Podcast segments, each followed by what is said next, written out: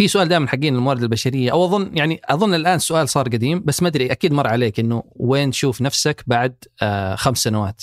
ما أدري أنت هل جاوبت على السؤال هذا بإجابة صحيحة ولا والله في حلقة ثمانية أسئلة كانت مع مدير موارد بشرية. كنت أسأله هذا السؤال وبعدين فجأة قلب الطاولة علي قال لي وين تشوفين نفسك؟ بخمس سنوات. قلتي له؟ قلت لا يعني خلينا نبدأ إيش رأيك؟ نبدأ اللقاء. يعني أنا أذكر إنه لما تخرجت من الجامعة فأكثر من عشر سنين ومش أو تزيد فعشان بس يبان عمري قديش. فلما رحت في المقابلة فاللي يسألوني كذا إني أول مرة كان يمر علي السؤال كذا يعني أنا تجهزت لكل المقابلات دخلت في النت ذيك الأيام حتى المصادر كانت آه، قليلة عن المقابلات الوظيفية. م. فإنه تكلم عن نفسك عن مهاراتك عن كذا تكلمت عنها فيعني باغتوني بعدين بهذا السؤال. وين تشوف نفسك بعد خمس سنوات؟ فوقتها أنا ماني عارف يعني آه، فأنا على نياتي لسه خريج جديد فأقول لهم إني مدير في شركة أو أملك عملي الخاص وهذه الأمور. يعني الحمد لله إني بعدها ما توظفت عندهم ما وظفوني ولا كلموني بعدها. يعني هذا الواضح أنت بتبغى تبغى تبني الكارير حقك كامل برا الشركة. طبعا عندي عندي عندي طموح طيب إخواني يعني لا تحدوني على الشركة لا تربطوني.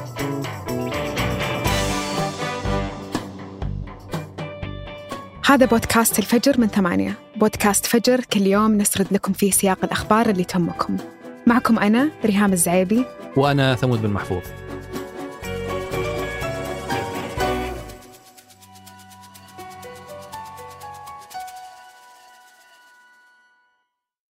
قهوة الصباح وأجود محاصيل البن المختص تلاقيها في خطوة جمل.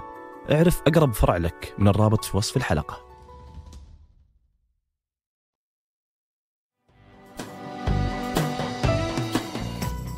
قبل سنة وثمانية أشهر وتحديدا في مارس 2022 أعلنت شركة Binance وهي أكبر منصة في العالم لتداول العملات المشفرة عن أول ترخيص لها في الخليج الترخيص اللي كان في البحرين كان يضمن تقديم خدمات الأصول المشفرة بالتعاون مع البنك المركزي البحريني ووقتها قال الرئيس التنفيذي ل Binance إنه ترخيص البحرين هو خطوة مهمة ضمن رحلتها للحصول على تراخيص في مناطق مختلفة من العالم.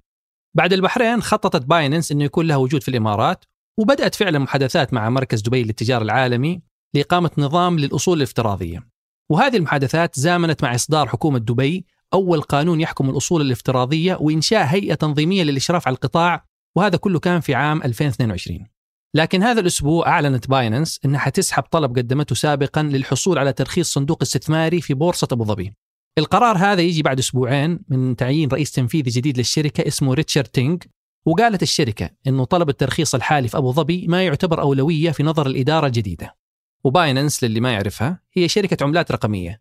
أسسها ملياردير العملات الرقمية الصيني تشانغ بينغ تشاو في 2017 الشركة تأسست في البداية في الصين ثم نفيت إلى اليابان بسبب القيود الصينية على العملات الرقمية.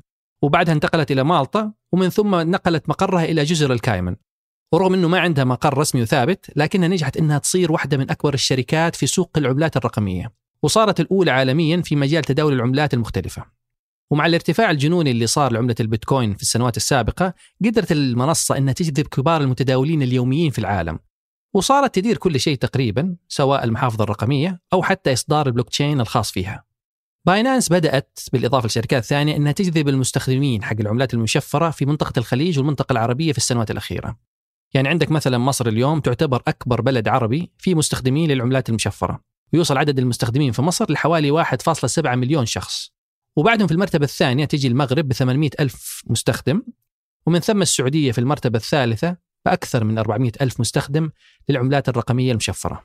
ورغم هذا العدد الكبير من المستخدمين في العملات المشفرة في السعودية والخليج لكن السلطات تحذر الناس من التعامل مع الشركات العملات الرقمية. فقبل سنة من اليوم حذرت رئاسة أمن الدولة في السعودية من التعامل بالعملات المشفرة وأكدت أن هذا النوع من العملات ممكن يكون أحد طرق تمويل الإرهاب أو يستخدم في عمليات غسيل الأموال. ومؤخرا صرح محافظ البنك المركزي السعودي أيمن السياري أن شركات العملات المشفرة تشكل خطر محتمل على الاستقرار المالي وأكد إنه هناك حاجة للإشراف عليها وتنظيمها وفق قوانين خاصة. وهذه التحذيرات زامنت مع إقرار الرئيس التنفيذي السابق لباينانس تشانغ بينغ تشاو بوجود اتهامات متعلقة بغسيل الأموال. وهذه القضية دفعت الشركة إنها تعيد النظر في عملياتها في الكثير من الدول حول العالم. إذا تعتقد أن بودكاست الفجر أفادك مواكبة أخبار متغيرات العالم شاركه مع أهلك وأصدقائك على مواقع التواصل الاجتماعي. وخلهم مطلعين معك.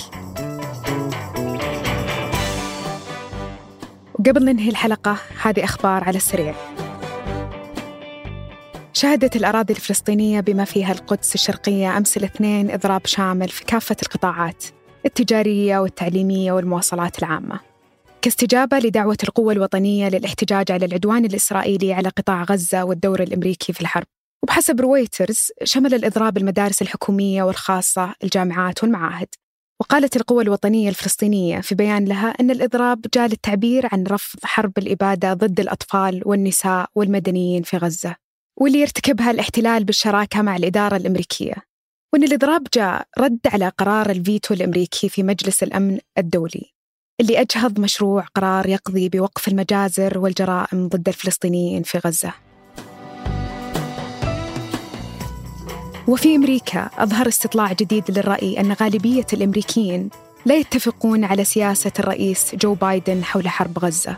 حسب استطلاع أجرته شبكة CBS News بالتعاون مع مؤسسة يوغوف البحثية أن 61% من البالغين اللي شملهم الاستطلاع أنهم غير متفقين على طريقة تعامل بايدن مع الحرب في حين وافق عليها 39% في استطلاع مماثل أجري في أكتوبر الماضي 56% من المشاركين يعارضون سياسة بايدن في هذه القضية. في حين 44% اتفقوا معها. وتعكس هذه الأرقام نسبة المعارضة لموقف بايدن من العدوان الإسرائيلي على غزة. اعتبارا من الأسبوع الجاي بتستبعد شركة لوسيد جروب وخمس شركات ثانية من مؤشر ناستاك 100 لأسهم التكنولوجيا وراح يكون القرار نافذ ابتداء من يوم الاثنين الموافق 18 ديسمبر. وأعلنت الشركة المشغلة لبورصة ناستاك الأمريكية في بيان لها بموقعها الإلكتروني هالأسبوع أن السبب في هذا الإجراء هو التعديل السنوي لأوزان أسهم الشركات. وضحت أن بموجب هالتعديل راح تخرج من المؤشر ست شركات وراح تحل محلها ست شركات ثانية. وبطبيعة الحال تجري عملية إعادة أوزان الأسهم على المؤشر بشكل سنوي في شهر ديسمبر.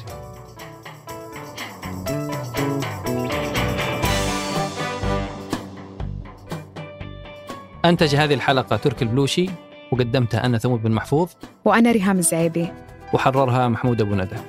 نشوفكم بكرة الفجر.